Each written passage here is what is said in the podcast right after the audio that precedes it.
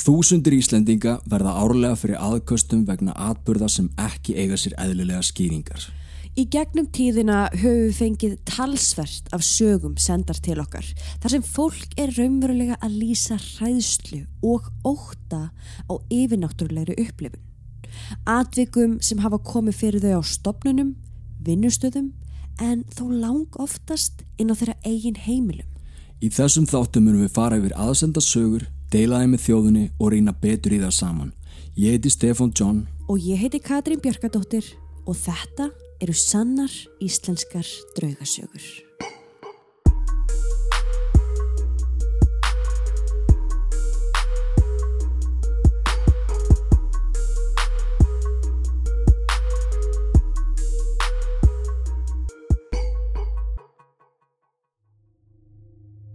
Eftirfarandi sögur eru sannar og koma frá fólki úr öllum stéttum þjóðfélagsins. Allt eru þetta mismunandi einstaklingar á mismunandi aldri. En allt þetta fólk á það sameigilegt að það var lent í einhverju yfirnáttúrulegu og það hér á Íslandi. Orðalagi og uppröðun hefur lítilega verið breytt til þess að koma sögunni sem best til skila en að öðru leiti eru frásagnirnar nákvamlega eins og þær bárust okkur. Sögurnar verða sagðar í fyrstu personu eins og þær eru skrifaðar og eftir hverja sögu munum við Katrín taka örstuðt spjall. Þú svolítið kvefu Katrín mín? Þannig ef ég hljóma eitthvað örlítið öðruvið sem vanalega þá er það engangu kvefi að kenna. En ég held að ég komi sér nú samt frá mér. Já, ekki COVID samt, engar ágjur. Engar ágjur. Saga 1. Málverkið. Á æskuheimilinu mínu var málverk á ganginum eftir einhvern frægan listamann sem ég man ekki hvað heitir núna. Mamma mín hafði erft þetta málverk. Þetta var frekar stórt málverk með mynd af fjöllum. Nefna hvað að ég sá aldrei fjöll á þessu málverki. Heldur eitthvað miklu, dekra og verra. Ég hef alltaf verið mjög næm og fundið fyrir alls konar hlutum í umhverfunu mínu sem ekki allir finna fyrir. Herbergi mitt var beint á móti ganginum þar sem myndin hjekk og ég var alltaf svo hrætt við það þegar ég var lítil. Ég svaf mjög illa sem barn og oft þegar ég var á milli söps og vöku þá sá ég eitthvað sem líktist djöfulegum verum koma út úr þessari mynd með ógeðfeldar hendur. Ég sagði við mömmu mína þegar ég var lítil að það væru skrýmsli í myndinni og að ég væri mjög hrætt við hana. Hún kifti sér ekki mikið upp í það, held að þetta væri bara mitt frjóa ímyndunarafli gangi. Við fluttum svo þegar ég var 12 ára og þá fór myndin inn í stofu. Þetta sama ár varð ég fyrir miklu áfalli og fór í þess vegna að byrja að dreyma mjög illa. Draumarnir tóku svo á mig og voru svo hræðilegir og raunverulegir. Í þeim flestum var eitthvað að elda mig. Ég sá þessar ógeðslegu hendur sem ég nefndi áðan í draumunum og voru þær sífelt að reyna að ná til mín. Á þessum tíma fór ég líka að verða ennþá næmari og vegna þess hvað mér leið illa þá ásótti mig bara eitthvað illt sem ég réð auðvita ekkert við. Það endaði með því að mamma let loka fyrir þetta hjá mér. Ég hætti ekki að vera næm en ég fann ekki fyrir svona miklu og illu. Við fluttum svo aftur þegar ég varð eldri en í þetta skiptið fór málverkið ekki upp á vegg. Ég sá sko til þess. Þegar ég var tvítug og farin að heiman bað mamma mig um að hjálpa sér einn jólin að sækja jólaskrautið úr geimslunu sinni. Við fórum niður í geimslu og þegar ég kom þangað inn varð mér alveg rosalega kallt. Mér fannst eins og að væri eitthvað bak við hurðina í geimslunni sem ætlaði að ráðast á mig.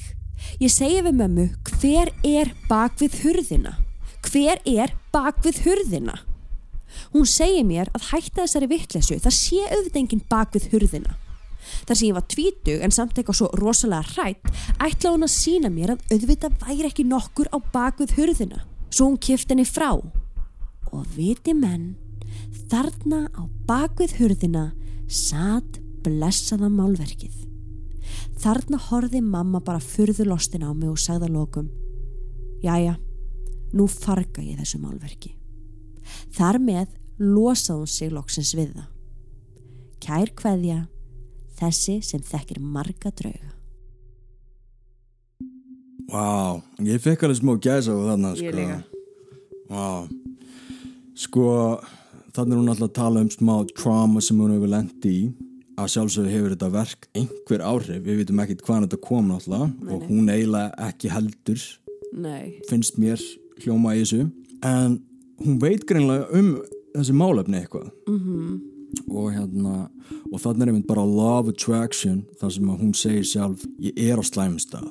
Ég er að hérna, gangi gegnum eitthvað áfall sem hún lendi í og þar með er hún að laða að sér eitthvað sem er kannski óæskilegt. Já. hún er samt actually það klára að hún átta sig á því. Já. kannski núna í dag. En það er einmitt svo stert og veigamikið að gera sér grein fyrir því.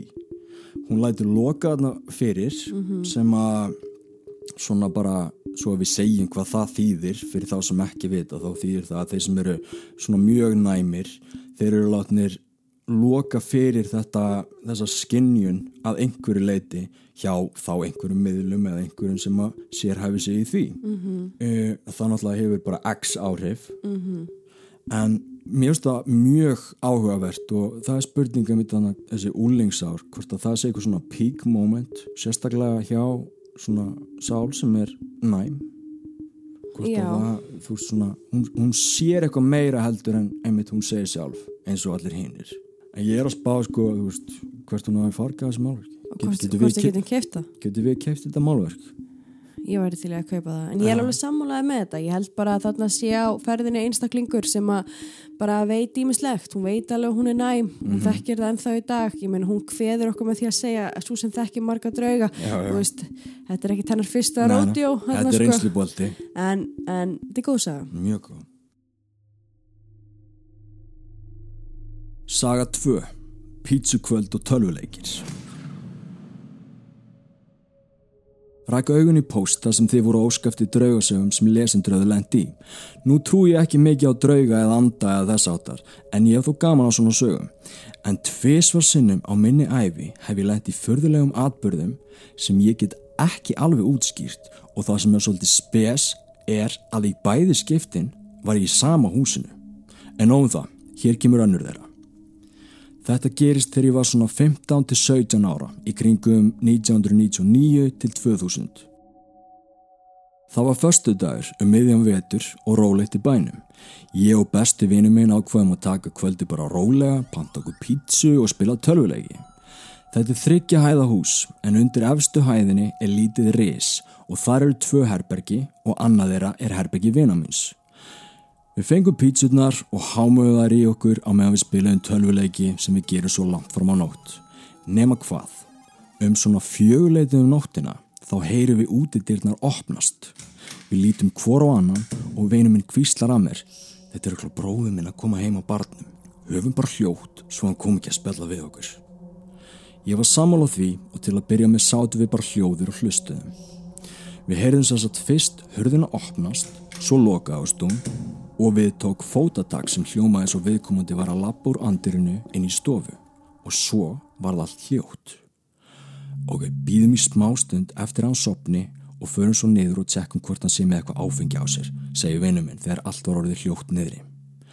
Eftir að hafa beðið í svona tíu mínútur ákveðum við að hann hlita að vera sopnaður og við fórum niður til þess að aðtöga hvort hann væri nú ekki með eitthvað smávegis að áfengi sem við getum stólist í. En þegar við komum niður sáum við enga skó í andirinu en okkur fannst það svo sem ekki datögavert þar sem hann hafði hæglega geta slefti að fara úr þeim ef hann væri mjög ölvaður. Þannig við förum inn í stofu, nema hvað, þar er engin. Þá lítum við frekar hissa á hvern annan og fórum að ræða að það væri hæpið að hann hafi farið aftur þar sem við heyrðum aldrei í honum fara. Við ákveðum því að kíkja út og sjá hvort að það veri fótspor í báðar áttir úti til að staðfesta að hann hefði þá kannski farið aftur. Þegar við opniðum útidyrnar tókum við strax eftir því að hurðin var læst og svo þegar við opniðum hurðina urðum við mjög hissa því það var nýfallin snjór úti og hvít breyða yfir öllu og ekki eitt einasta fótspor fyrir utan hurðina hvorki áttina að henni nýje frá henni. Við fórum samt og aðtöðum í öll herbergi húsins og fundum engan. Það sem mér hefur alltaf fundið svo undarlegt við þetta atvik er að við heyrðum báðir sömu hljóðin og vorum alveg sannfærðir um að þetta væri eldri bróður hans að koma úr einhver partí þar sem mamma þeirra var ekki bænum þessa helgi og við vinirnir vorum bara einir heima. Sko við náttúrulega elskum skeptist fólk Ó, sem að ekki endilega trúir. Og hérna það sem mér finnst indislegt við þessa sögu er Já. að er að þeir heyra báðir Já, í einhverjum koma inn. Mhm, og þeir heyra semst í hurðin er það ekki opnast. Og svo lokast. og svo lokast og svo einhvern lappa inn. Og þeir heyri þetta það vel að þeir segja sín á milli bara, ég nenni ekki að fara að tala við bróði minn, þú Já. veist. Höfum þögg. en fyrir svo að stelum áfengi af honum og eftir. Já, bara geggja plan, þannig að þeir bara eru aðna, ok, býða Sita í hljóði og þeir heyra í honum eh, í einhverjum lappa innan í stofu. ok, koma síðan neyri stofu. Þar er engin ganga síðan að útidrahörðinni sem var læst Já, ok, hefðan geta opnað með likli og læst það eftir sér jú, jú. mögulega, en ok, þeim fannst það samt sem að það förðulegt opna hörðina nýfallin snjór Já, sko það hefðu verið fótspor ekki nema að það hafi allt í einu kannski byrjað að snjóa bara að Geðveikt svaðalega mikið. Já, já. á þessum nokkru jú. sem hefði mögulega geta Það gerst geta. En að fara síðan út og kíkja í öll herbergin, þú veist, þeir eru báðir að heyrða og þetta er að sem þetta er að indislega við svona skeptist fólk sem er bara, veistu það, ég trú ekki ég hef samt lendi einhverju sem ég hef enga Útskýringu á. útskýringa og þetta er eitt dæmi um það og bara Já. hvað er í gangi það sem ég held að sé í gangi þarna Mhm. ég held að þarna sé bara í rauninni einhvers konar residual orka Já, nema ef hún hefur ekki heyrst áður nei, nei. Þetta er náttúrulega að gerast þarna klukkan fjögur um nóttina. þú veist, þessi vinur, hann er náttúrulega ekki alltaf þarna. nei sko, residual orka er þannig að hún gerist eiginlega alltaf á sama tíma Já. alltaf þá klukkan fjögur alltaf á sama stað veist, það fylgir ekki söguna hvort að vinurinn hafi, sem býratna hafi einhvern tíma lendi í þessu áður Nei, við vitum það ekki. eflust ekki samt fyrst hann tekur þetta ekki fram ef ekki þá gæti þetta bara verið einhver andi þarna að fara húsavilt sko Já, já, einmitt. En hann nefnir hérna sko að þetta sé bara fyrra atvikið.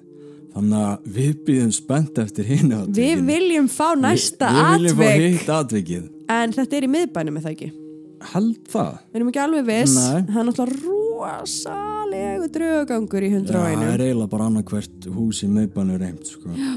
þannig að þetta mér, þetta var góð saga og þetta er skemmtileg Já. saga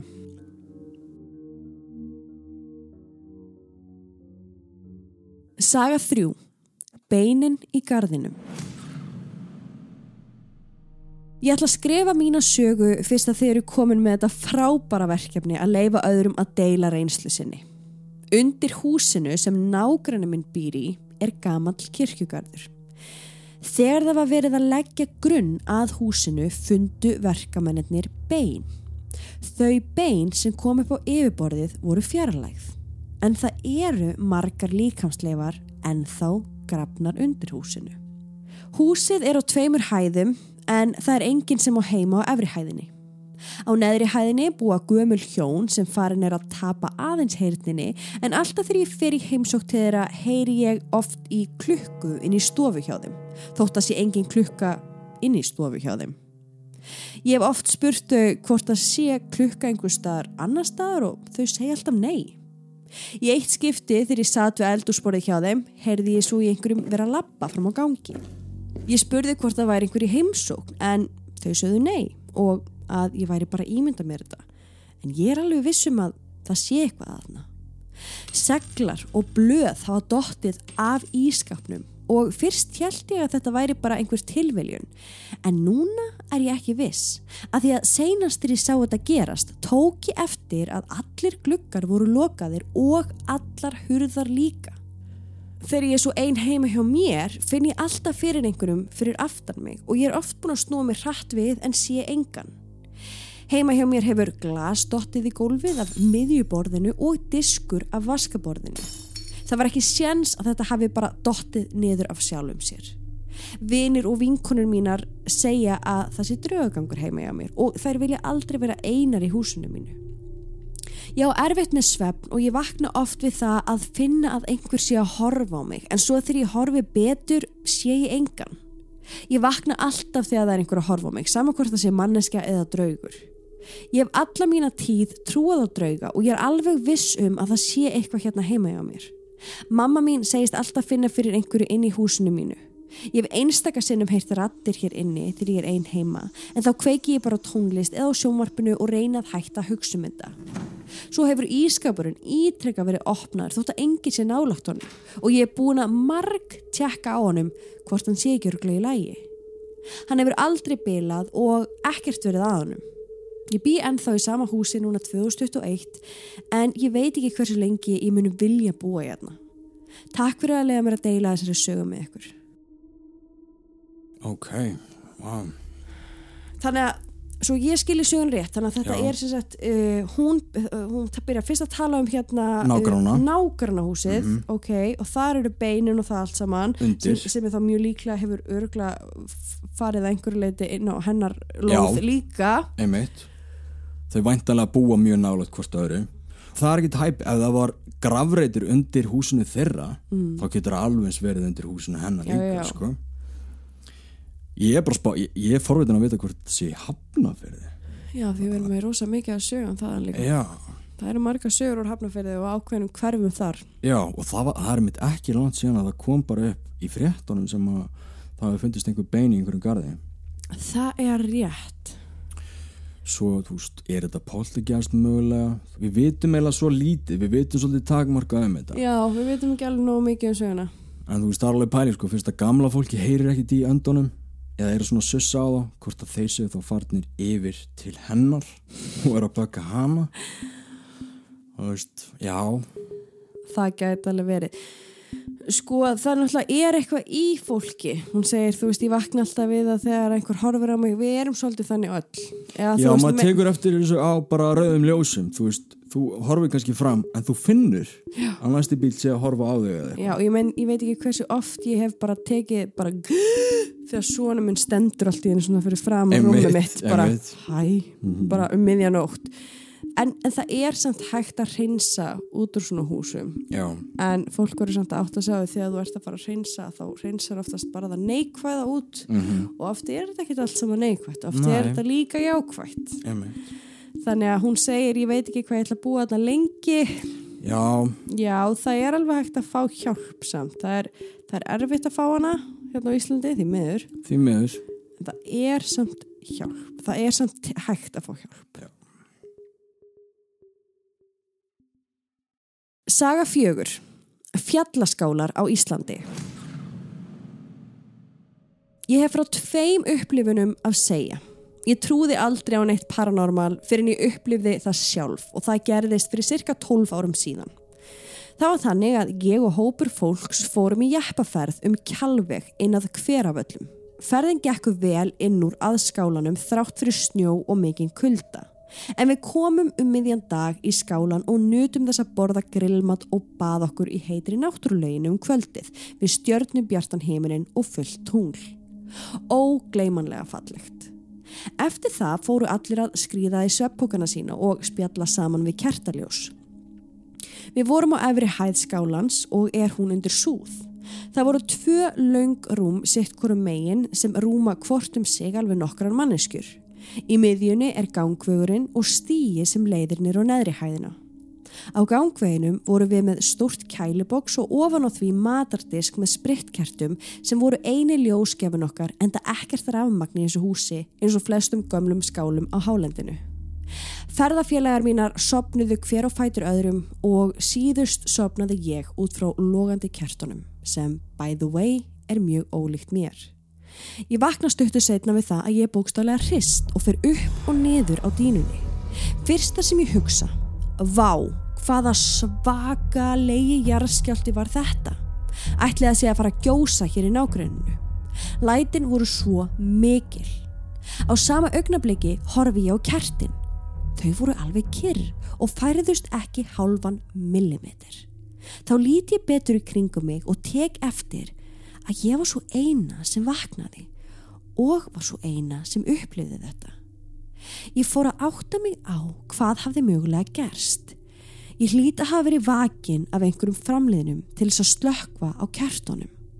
Ég slökti á þeim og fór aftur að sofa í svarta myrkrinu. Frekar þakklátt fyrir að hafa verið vakin. Ég rætti þetta daginn eftir við hina og þá sagði eitt góður vinu minn að afi hans hafi verið skálavörður þarna fyrir mörgum árum og þetta hafi pottjætt verið hann að vekja mig. Þá rifjaðist upp fyrir mér draumur sem ég hafði einmitt dreymt þessa nótt eftir að hafa verið vakin. Þar sem eldri maður kom til mín og ég gæti líst honum mjög nákvæmlega fyrir vini mínum og honum kross brá. Þú ert að lýsa afa eins og þú hafið þekktan. Þannig að þarna var afi hans að koma til mín og vekja mig örgla bara til þess að þakka mig fyrir að slökka á kertunum. Því mögulega hefði annars illa farið. Ég vil ekki hugsa það til enda hvað hefði gerst ef ég hefði ekki verið vakin. Kertin að brenna súrefnið og þar sem við vorum ansi mörg þarna í þessu litla rými og hefði einhver hæglega geta reikið seppókan sinn eða kottan í eldin. Þarna fór ég fyrst að trúa. Annað dæmi þar sem við vorum mest megnist sami hópurinn í annari jæppaferð og í þetta skiptið á leið í skála á kili sem heitir Fremstaver, auðvitað í myrkru og frosti. Það er ekki klósett aðstæða í skálanum heldur nokkrum metrum fyrir utanan er kamar. Það voru alveg 25 skref í hann. En í hvert skipti sem ég fór að pissa þá fannst mér alltaf einhver fylgja mér en ég var freka myrkvælin og fór að ímynda mér alls konar vittlusu að mér fannst. Ég ákvað því að þetta væri ekki neitt. Þanga til í eitt skipti þegar allir eru inn í skálanum og ég þarf að fara á kamarinn. Það er smá pallur fyrir utan út í hurðina sem maður þarf að lappa á og neður tvö þrep til að komast til leiðar sinnar á kamarinn. Þegar ég opna út í hörðina og horf út í myrkrið sé ég út undan mér dökkan mann sem hverfur fyrir hornið um leið og ég lít í áttina á honum eins og hann var að fela sig fyrir mér. Mér brá ræðilega og fór tilbaka inn til þess að fá eitthvað með mér. Eftir þetta fór ég sko alls ekki einn út. Eftir þessi tvö dæmi fór ég að gera mig grein fyrir því að það væri greinilega eitthvað til sem kalla má anda eða drauga. Guð bless ykkur og kærleiks hvaðja. Ú, þessu var góð. Við þekkjum náttúrulega fjallaskála Íslands alveg mjög vel. Mm, ójá. Kvítanuskála og allt. Já, og það er bara auðvilt að setja sig í þessi spór. Mjög svo. Og mér finnst þetta fallegt hérna saganum afan. Já, hún var svolítið falleg. Einmitt... Bara skemmtilegt að hann hafi einmitt kannast við. Og kannski er ekki nógu marga svona sögur oft, sko. Að það er svo margt gott. Já, draugasögur þurfa nefnilega ekki að vera ræðilega, sko. Nei, það þurfa ekki alltaf að vera ræðilega. Og þarna var einhver bara að passa upp á, upp á fólki sitt og það er bara virkilega fallegt. Já, einu sem ég fannst ræðilegt við þetta, það var kamarinn. Að því ég hugsa bara um kvítanir skóla. En þess að ég hugsa líka hérna, mannin sem hún sá hérna Fela sig. Já, fela sig sko. Mér finnst það oft svona með þess að sko sem fjallaskála sem margir hverjir eru taldi reymdir að mm -hmm. hérna svona svolítið eins og fólk eigi ekki verðar og þarna eru svona ákveðinir andra búin að gera sig heima kæra. Já. Og þeir eru svolítið svona ég get alveg ímyndið mér að þessi aðili þó ég veit ekki almenna um það nei, ég get ímyndið mér að þessi andi hafa verið svolítið bara hvað segir þú hér?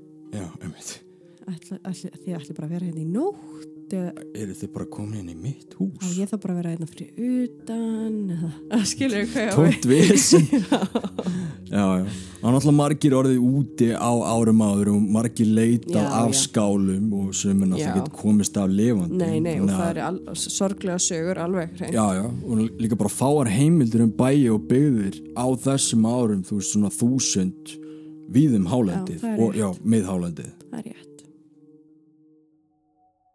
Við vonum að þið hafa haft gaman á sögum vikunar sem allar eiga það sammeilegt að vera dagsannar Við viljum líka þakka höfundum dagsins kærlega fyrir að leiða okkur að deila þeirra upplifin með almenningi og þannig vonandi getum við náð að normalæsera draugagang því þetta á auðvitað ekki að vera neitt tabú. Já og við óskum hér með eftir sögu nummer tvö. Já, af hérna... Frá pizzastráknum. Já, endilega. En sannar íslenska draugasögur eru vikulegt hlaðvarp sem gefið er út á förstu dögum klukkan 12 svo lengi sem við höldum áfram að fá sendar sögur frá ykkur. En fyrir þá sem ekki vita þá höldum við út í podcastinu Draugasögur. Þar höfum við fjallað um staði um allan heim en við höfum líka tekið fyrir helstu stað á Íslandi sem þættir eru fyrir draugagang. Með ítalari rannsókn og hverjum stað fyrir sig við opnum öllum helsta tækjabúnaði og náum sönunagögnum með vísendalegum aðferðum og deilum því með áskrifundum okkar inn á patreon.com skástrygg draugasögur. Og þar er allt efni frá upphafi aðgengilagt, engin binding og bara Go nuts. Endilega haldið áfram að senda okkur upplifunir ykkar á draugasögur at draugasögur.com mert aðsendarsögur. Og hver veit nefnum við tökum hana fyrir hér. Ef þið líkaði þátturinn í dag, endilega fylgd okkur á Spotify og gjá okkur umsögn og stjórnir á Apple Podcast. Fylgstu mig á Instagram og Facebook undir nafninu Draugasögur Podcast til að missa örglega ekki af neinu. Takk fyrir og þangu til næst.